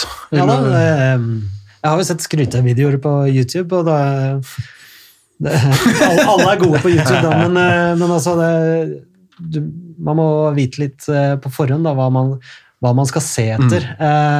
er han god i, eh, i avslutninger? Har han eh, masse tunneler? Så er det bare mm, Ok, det er ikke alle, alle klarer å dra en tunnel på, på YouTube, men eh, Synes Arkadiusz Milik også er et spennende Ja. alternativ. Eh, veldig god til å posisjonere seg inn i 60-meteren. Er skikkelig nase for mål. Eh, han kommer til å levere målpoeng om han får spilletid, men så er jo det om han klarer å spille, for han har vært utrolig skadeplaga de siste sesongene, med lange skader og brekk. Eh, så ja, han er linka, han hadde vært en god spiller, men så spørs det hvor ofte han er tilgjengelig. da. Tenker du, Petter? Nei, Jeg har ikke like god oversikt som Erik i hvert fall, om, om spiss, spissmarkedet rundt i Europa, men jeg har fått med at det er en fyr i Dortmund da, som skårer ut mål. Haaland, ja. når vi først skulle gå etter en nordmann, så Så først skal lage overskrifter. ja. Nei, men jeg tror i hvert fall øh, Jeg tror i hvert fall øh, altså Jeg snakket litt om Danny Ings, og han er ikke helt den typen, men det er bare fordi jeg syns han er såpass bra Ja. at jeg tror han ville klart, øh, klart å fylle en rolle der uansett, på en måte. Men hvis man skal se litt på profil, da, så tenker jeg at det som Mourinho har vært mye tydeligere på enn Porcetino, er at Son og Lucas ikke er spissalternativer. Eh, så de, de, de skal ikke spille der. Det, det er Mourinho klar på. Um, og det som også synes jeg er et veldig viktig aspekt med det med sånn da, som, som spiss, er at hvis Son- Son spiller spiss, så mister vi sånn i hans beste posisjon. Ja. Så laget svekkes der også. Ja. Um, så, så jeg Er det derfor uh, Mourinho har spilt Lucas som spiss når uh, Kane har uh, vært ute? og, og ikke sånn, ja. Ja. ja. Det kan fort være, tenker jeg. Fordi man blir jo Mindre å tape. Ja, da, jeg tenker at det kan være en, løsning, en, eh, en grunn til det, men eh, så, så, fordi det vi savner når Kane er borte, er jo Kane, altså spisstypen Kane, en, den, litt den der fysiske, en som kan holde på den, vende opp, god i lufta, kan slå gjennom lagkamerater. Det, altså, det å hente en sånn liten kvikkas, da, en sånn eh, på 1,68 lynrask sånn, altså, da tenker jeg da kan du like gjerne bruke Lucas eller Sonder, da, som er den typen de òg.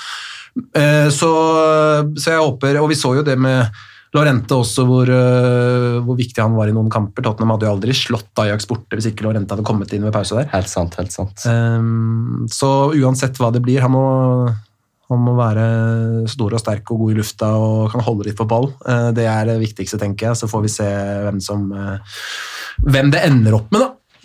Men Milik og Weghorst, er det en av de to vi tror det ender på her? Ja, det er vel egentlig det. Eh, men vi vet jo ikke. Plutselig dukker det opp et eh, last minute-rykte. og så- Ja, han, så uh. Venicius, da. Ikke Real Madrid, men Benfica Venicius. Ja. Ok, um, jeg tenkte vi skulle eh, mot slutten her nå først ta for oss eh, en midtstopper som Tottenham linkes ganske heftig til for tiden, Skrinjar eh, fra Inter. Så er det alltid litt skummelt å drive og snakke så mye om eh, sånne spillere som eh, kan være på vei inn og sånt nå, fordi innen denne podkasten er publisert, så kan det godt hende han har signa for en eller annen klubb. og Da er det ikke så kult at eh, vi sitter og diskuterer han opp og ned, men eh, vi eh, tar sjansen på at han kanskje ender i Tottenham, Erik. Skrinjar. Hvem er Skrinjar, og hva får Tottenham hvis de kjøper han? De får en ekstremt duellsterk midtstopper. Han er et eh, monster i duellene på bakken, om det går an å beskrive det sånn. Eh, utrolig aggressiv i stilen, modig i duellene. Han skyr aldri unna en duell eller en takling. Så han er ganske sånn no nonsense i stilen defensivt. Laga en god del frispark, 1,8 stykk per kamp forrige sesong. Noe som er mer enn absolutt alle andre av Spurs-midtstopperne. Eh, han kan bli litt for aggressiv og heit i toppen av og til, noe som gjør at han åpner opp noen rom for motstander. Eh, så han kan beherske aggressiviteten sin litt mer for å bli enda litt bedre. Men han er strengt tatt ganske god til å posisjonere seg. eh, veldig god én mot én, så det er sjelden noen som kommer seg forbi der. Eh, han er overraskende god med ballen i beina også. eh, veldig god teknikk og utrolig bra i oppspillingsfaser. Hadde hele 92,1% suksessrate på pasningene sine forrige sesong, så er mye bedre eh, enn resten av Spurs sine midtstoppere. Eh, han kommer til å tilføre mer soliditet og trygghet i possession-spillet. Han liker å ta med seg ballen, føre den framover og se etter å slå en linjebrytende pasning. Litt sånn som Jan Fartongen gjorde på sitt beste i Spurs. Uh, han er veldig stor, veldig kraftig, en skikkelig plugg på 187 cm. Men han er også ganske rask. Eh, Han er jo masse å flytte på, men uh, når han kommer opp i fart, så er ikke han, så er ikke han treig. Og I 17-18-sesongen spilte han mest til høyre som midtstopper, mens han i 16-17 og 18-19 spilte mest til venstre. Så han kan spille litt begge deler. Forrige sesong var ikke han like fast i laget, og da bytta han litt på hva slags side han spilte på. Det er ett minus med han, det er at han ikke er spesielt god i lufta. Eh, det er svakhet, eh, og omtrent kanskje det eneste minuset er serieskriniar som spillertype. Hvis en sammenligner med midtstopperne til Tottenham, så vinner han betydelig mindre enn resten, med 1,3 luftdueller per kamp. Nok, ja, så eh, ja, Dyer har 4,4 som høyest, som et sammenlignende punkt. Han har suksessrate på 52% og da er det bare Toby Alderweireld som har dårligere. Eh, og et enda et lite minus med Skriniar er at det virker som han slet med å tilpasse seg Antonio Conte sin trebackslinje. Så hvis Mourinho tenker å legge om til en trebackslinje, så vet ikke om det er det beste om jeg får inn Skriniar. Eh, han leverte ekstremt bra i 18-19 i en firebackslinje under Luciano Spalletti, men forrige sesong, forrige sesong var litt underveldende, og Stefan de Vrij peker seg egentlig ut som den klart beste midtstopperen i Interlaget. Eh, så ja, det er egentlig en liten, en liten beskrivelse så, på. Skriniar som spiller. Flott. Ble vi solgt? Petter Ole Andreas? Tja altså, Spørsmålet er jo hvor eh, hva, hva er tanken med kjøpet? da? Tenker vi at han skal rett inn i elveren? Altså, for vi har jo da, sånn som jeg ser det nå, tre ganske jevngode midtstoppere. Og så har vi da, hvis han, ut fra hva du beskriver, så høres det ut som han legger seg litt sånn noenlunde på linje med, med de andre, kanskje. Håper jo han er litt bedre, men, men, men vi risikerer jo å stå med fire ganske Hva skal jeg si? Fire ålreite midtstoppere, hvor kanskje ingen er helt der oppe, da. Ja, det er sånn, Milan Skriniar han er en veldig veldig god spiller, men han har dette store minuset med seg i luft, eh, luftrommet. Eh, og En trenger jo egentlig en sjef der til å kunne organisere på dødballer og ta vekk i lufta også. Så ja, det er kanskje et lite problem. Men kan vi se for oss at han eh, spiller mest eh, Europa og ikke så mye Premier League? Nei, han blir nok fast inventar. Han er, jeg vil si han er bedre enn alle midtstopperne Tottenham har per dags dato. Eh, vi har jo Davinson Sanchez, god én mot én, men kan være litt rar i lufta med ballen i beina. Dyer er jo god i lufta og med ballen i beina, men han er jo utrolig treig og keitete mot kjappe motspillere. Så har vi jo Alvarelt, ekstrem pasningsfot, god til å posisjonere seg, men han sliter jo med å håndtere innlegg mot mm. angripere som er bedre enn han i lufta. Så jeg tipper at Skriniar er en oppgradering på alle de, men at det kanskje ikke er helt den komplette midtstopperen og sjefen som trengs for å få orden på Spurs-forsvaret. da. Er det riktig å si at han minner litt om Syle? Ja, det kan det kanskje være. En litt mindre versjon av Syle, kanskje. Ja. Mm. Nei, men Det kan godt hende han er det altså, hva skal jeg si, det beste vi har ut fra hva vi har råd til. da. Um, og sånn sett så er det jo en posisjon vi, vi trenger å få inn, eh, få inn en spiller til, nå som Fartongen uh, dessverre har blitt for gammel og gått videre. Så, så ja da, jeg, jeg, jeg tar, tar imot han jeg, hvis, ja. hvis det er det vi får. Ja, men Det er ikke så mange andre midtstoppere som er fullt Nei. så gode i dagens marked som en kan få tak i. Jeg synes prisene som ja, har blitt nevnt rundt Skrinjar, er litt stive. Men eh, ja, det er vanskelig å få tak i gode midtstoppere. Jeg tror Skrinjar er noe av det beste en kan uh, ta til takke med i dagens marked. Det er det som er vanskelig med, med midtstoppere. fordi eh, sånn, Enten spiller du, eller så spiller du ikke, som regel. Og de som spiller, er svindyre. Eh, og de som ikke spiller, eh, de spiller jo ikke da av en grunn, på en måte, så de er jo da mest sannsynlig, med mindre det er et stort talent eller et eller annet sånt. Så det med Skrinjar er vel litt sånn spesielt, at han har falt litt sånn i unåde hos Conte. da, at Kanskje er han egentlig god nok for Interlaget, men det er bare skjedd ting der som gjør at han ikke spiller likevel. Og så trenger de penger til å kjøpe Kanté eller hva det er snakk om, og så er det en del ting som gjør at han da likevel kan komme til å forlate klubben. da, så... Så det er jo det er ikke sikkert det er så lett å finne noe bedre Nei. til den summen der. Hvem skal spille sammen med Skriniar, da? Nei, eh, Hvis en skal tenke på det minuset jeg nevnte med Skrinjar i lufta, så er det jo egentlig Eric Dyer som kanskje er det Ja. beste alternativet. Eh, Sanchez kan fungere. Da får du et veldig mobilt eh, stopperpar som er gode én mot én. Men jeg tenker kanskje Dyer kunne passa bra med Skrinjar. Det blir spennende å se om han dukker opp. Det er eh, forhandlinger i Det har i hvert fall vært forhandlinger i Italia noen dager nå, så Hvis man skal noen tro mine kilder, da, så, så er vi enige med Skrinjar. eh, Men det er jo da um, mulig at vi skal sende Sissoko den veien, eh, som en del av betalinga. ja. Eh, ellers er det jo da hvor mange innskudd det går over.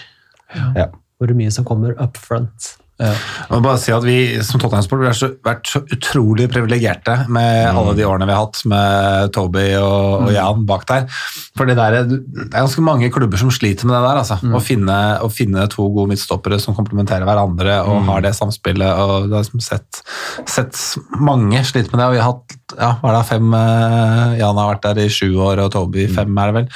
Og hatt fem så gode år med, med Diaz. Det har vært eh, fantastisk. Ja, Du ser jo med Manchester City nå hvor mye Ja. penger de har brukt på forsvarsspillere, og likevel så eh, sitter ikke det i det hele tatt. Så det er utrolig vanskelig å få det til på stoppermarkedet. Nå har vel de signert eh, Ruben Diaz fra Benfica Mm. med Otamendi andre veien.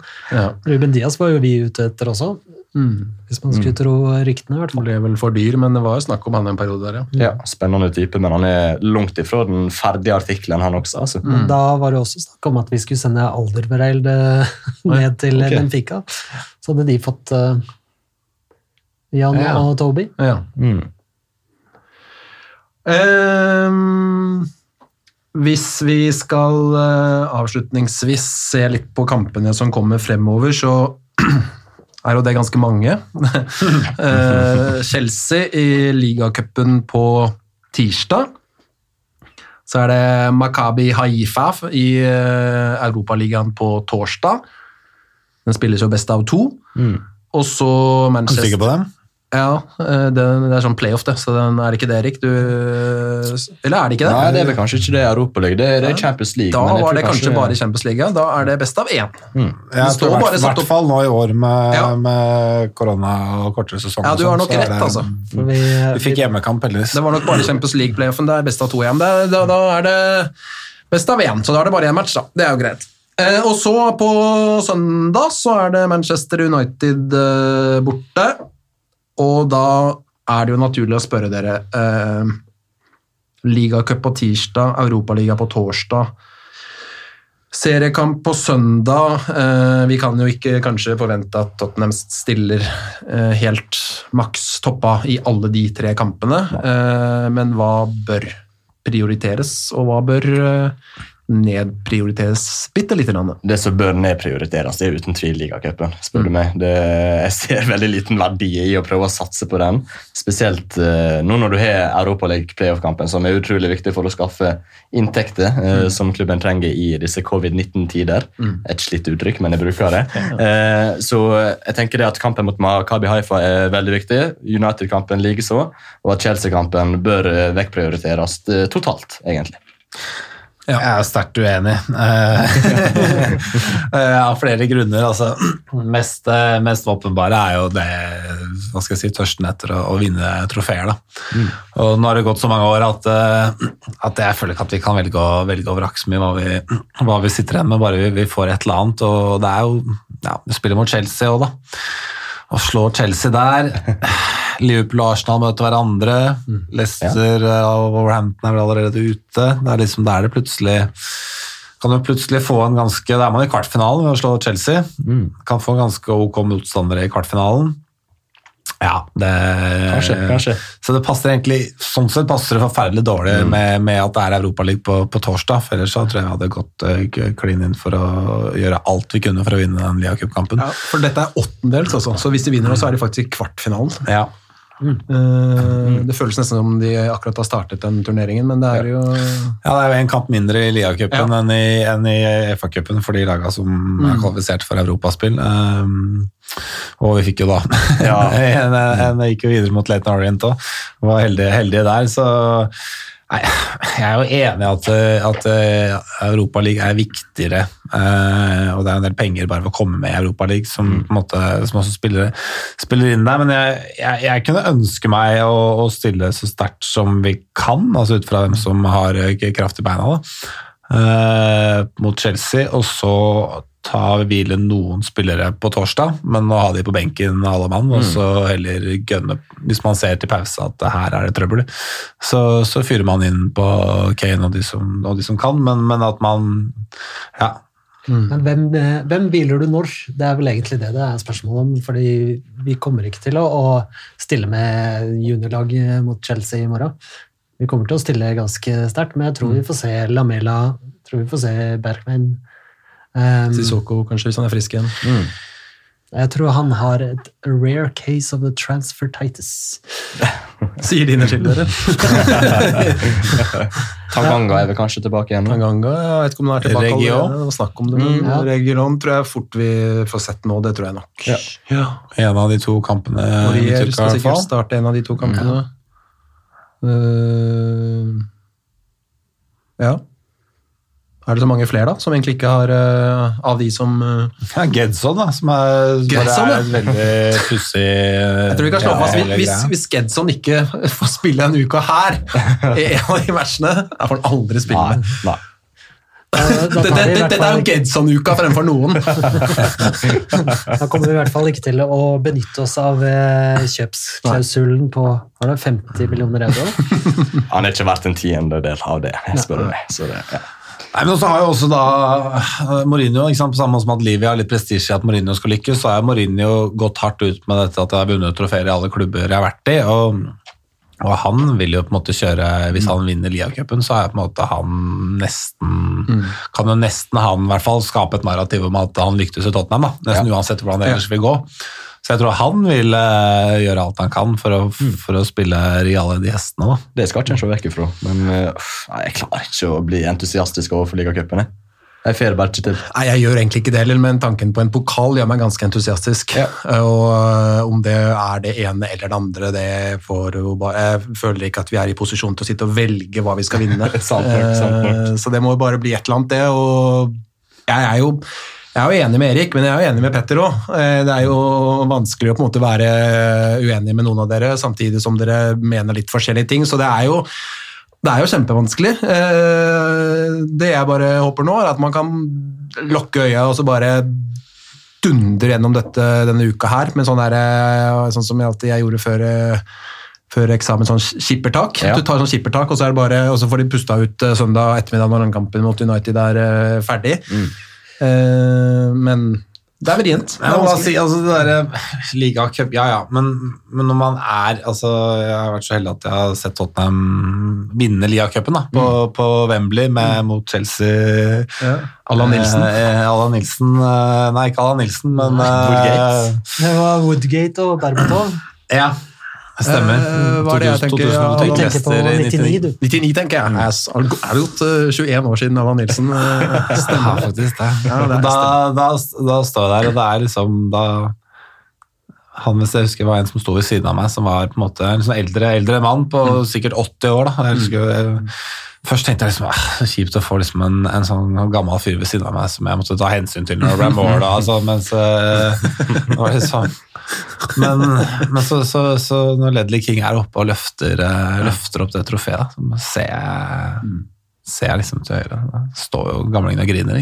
Ikke sant? Ja. Og, liksom, og det der, ja, det der, da skjønte jeg liksom hvor stort, hvor stort det var, da. Eh, faktisk. Og det spilte ikke så mye rolle om det var hvilket trofé der og da, så var det bare så, så fantastisk følelse, da. Og det er liksom det man lever for. Jeg husker jeg, jeg, jeg selv etter den Ajax-kampen, når vi liksom jeg var i Amsterdam og så den, og liksom selv da så var det liksom sånn, ble jeg spurt av en kompis som jeg reiste med liksom, er dette liksom det største du har opplevd som Tottenham-supporter.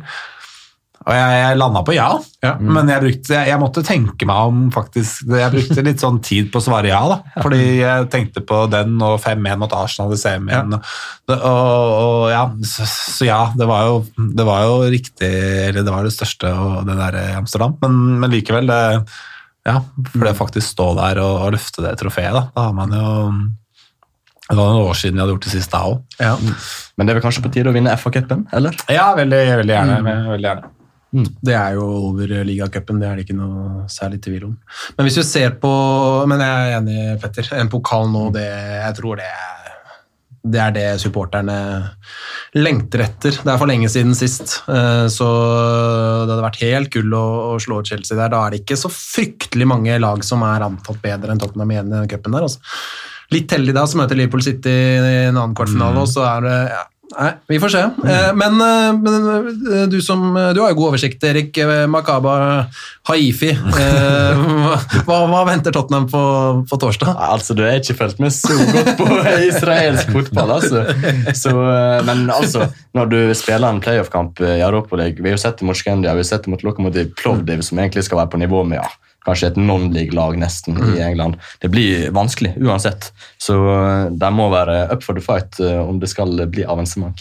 Det er jo sånn at eh, det er en cupfinale hver gang, og det er den største kampen for Plovdiv. Altså, de har aldri hatt en så, så stor kamp å spille før.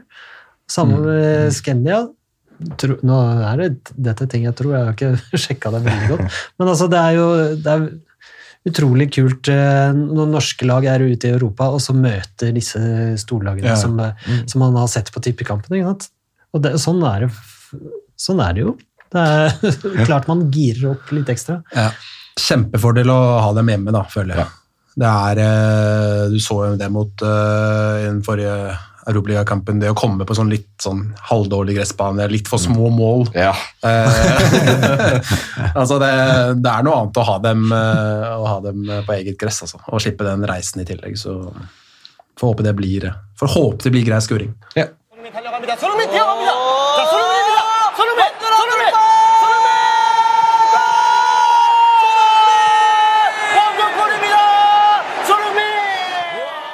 Sånn, da fikk vi sett litt gjennom eh, hva vi skal avslutte med her. Og Ole Andreas, du har fått inn et spørsmål som eh, jeg syns var ganske interessant å ta tak i.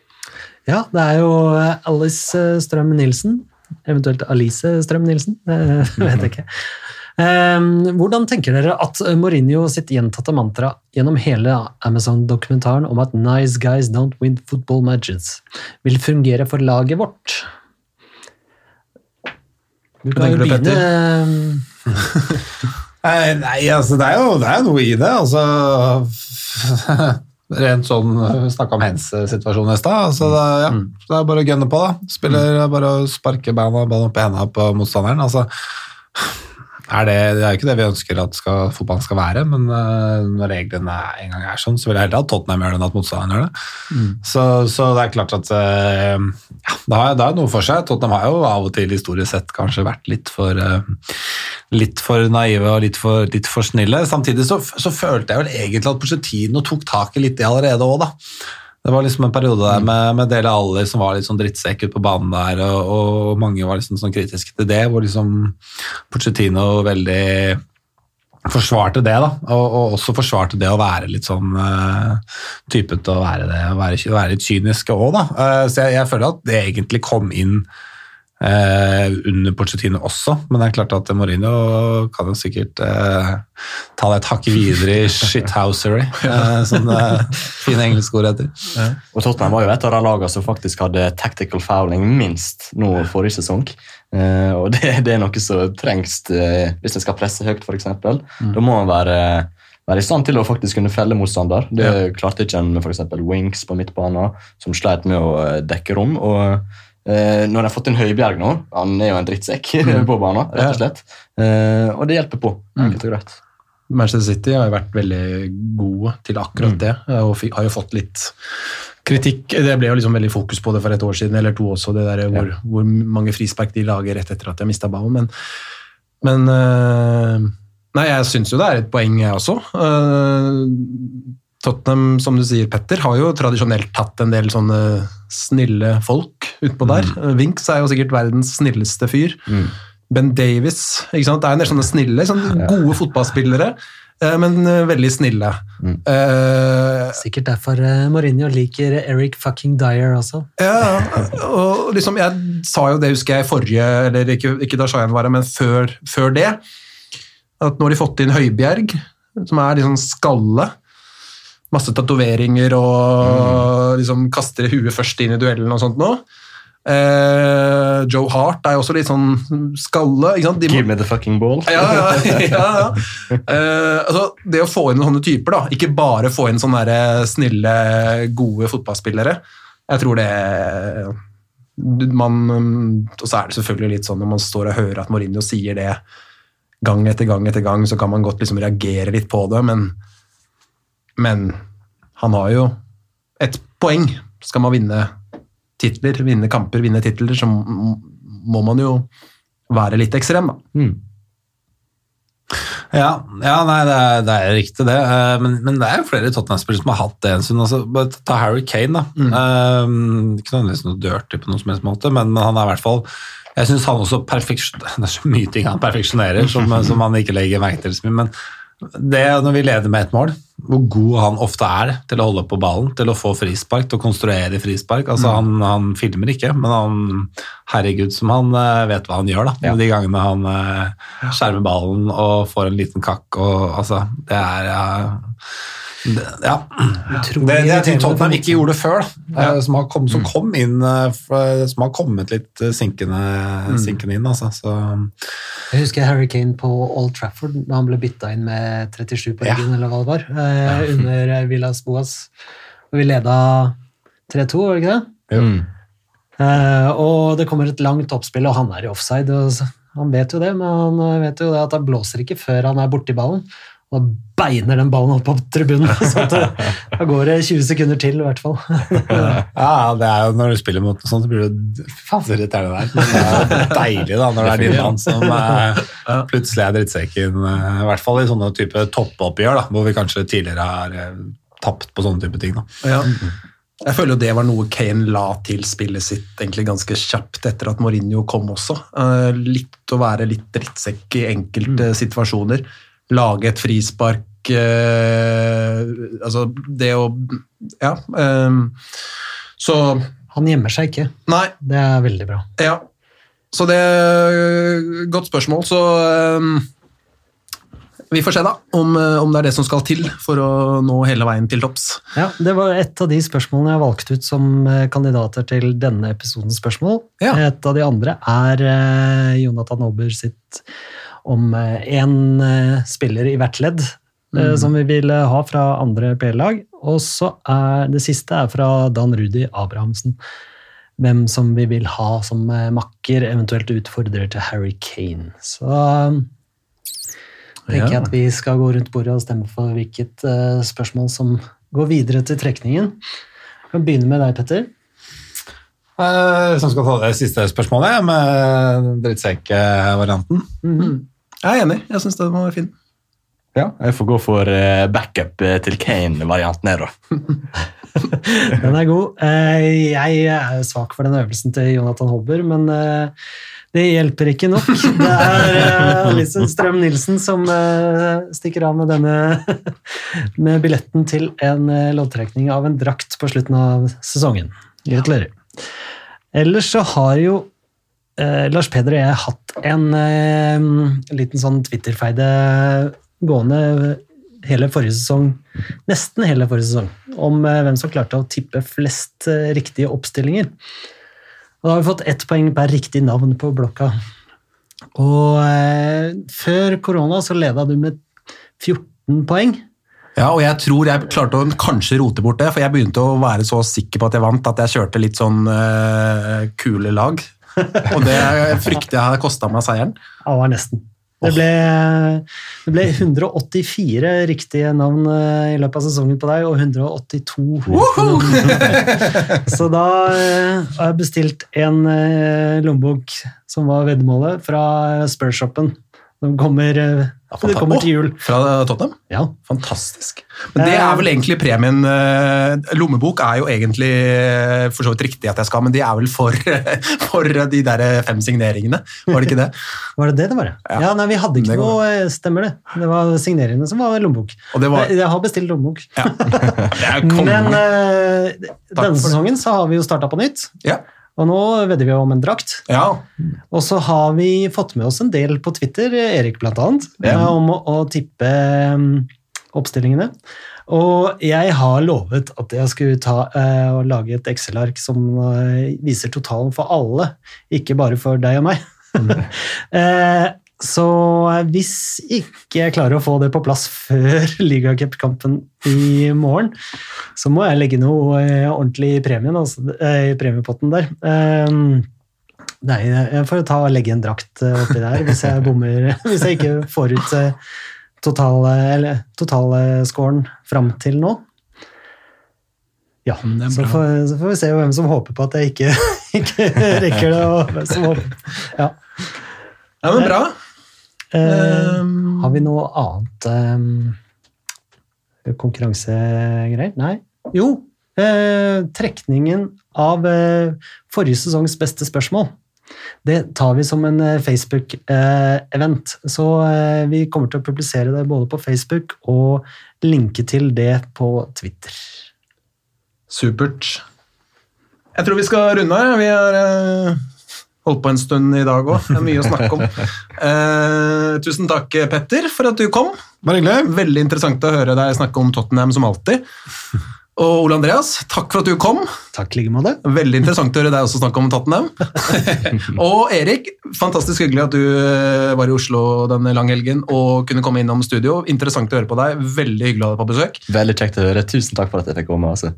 Da gjenstår det bare å takke for følget. Det er masse kamper denne uka. her. Vi satser på masse seire, avansement her og der og tre poeng på Old Trafford og alt som er. Og så ønsker vi alle en eh, super eh, dag, kveld videre. Og Ole Andreas, du får siste ordet.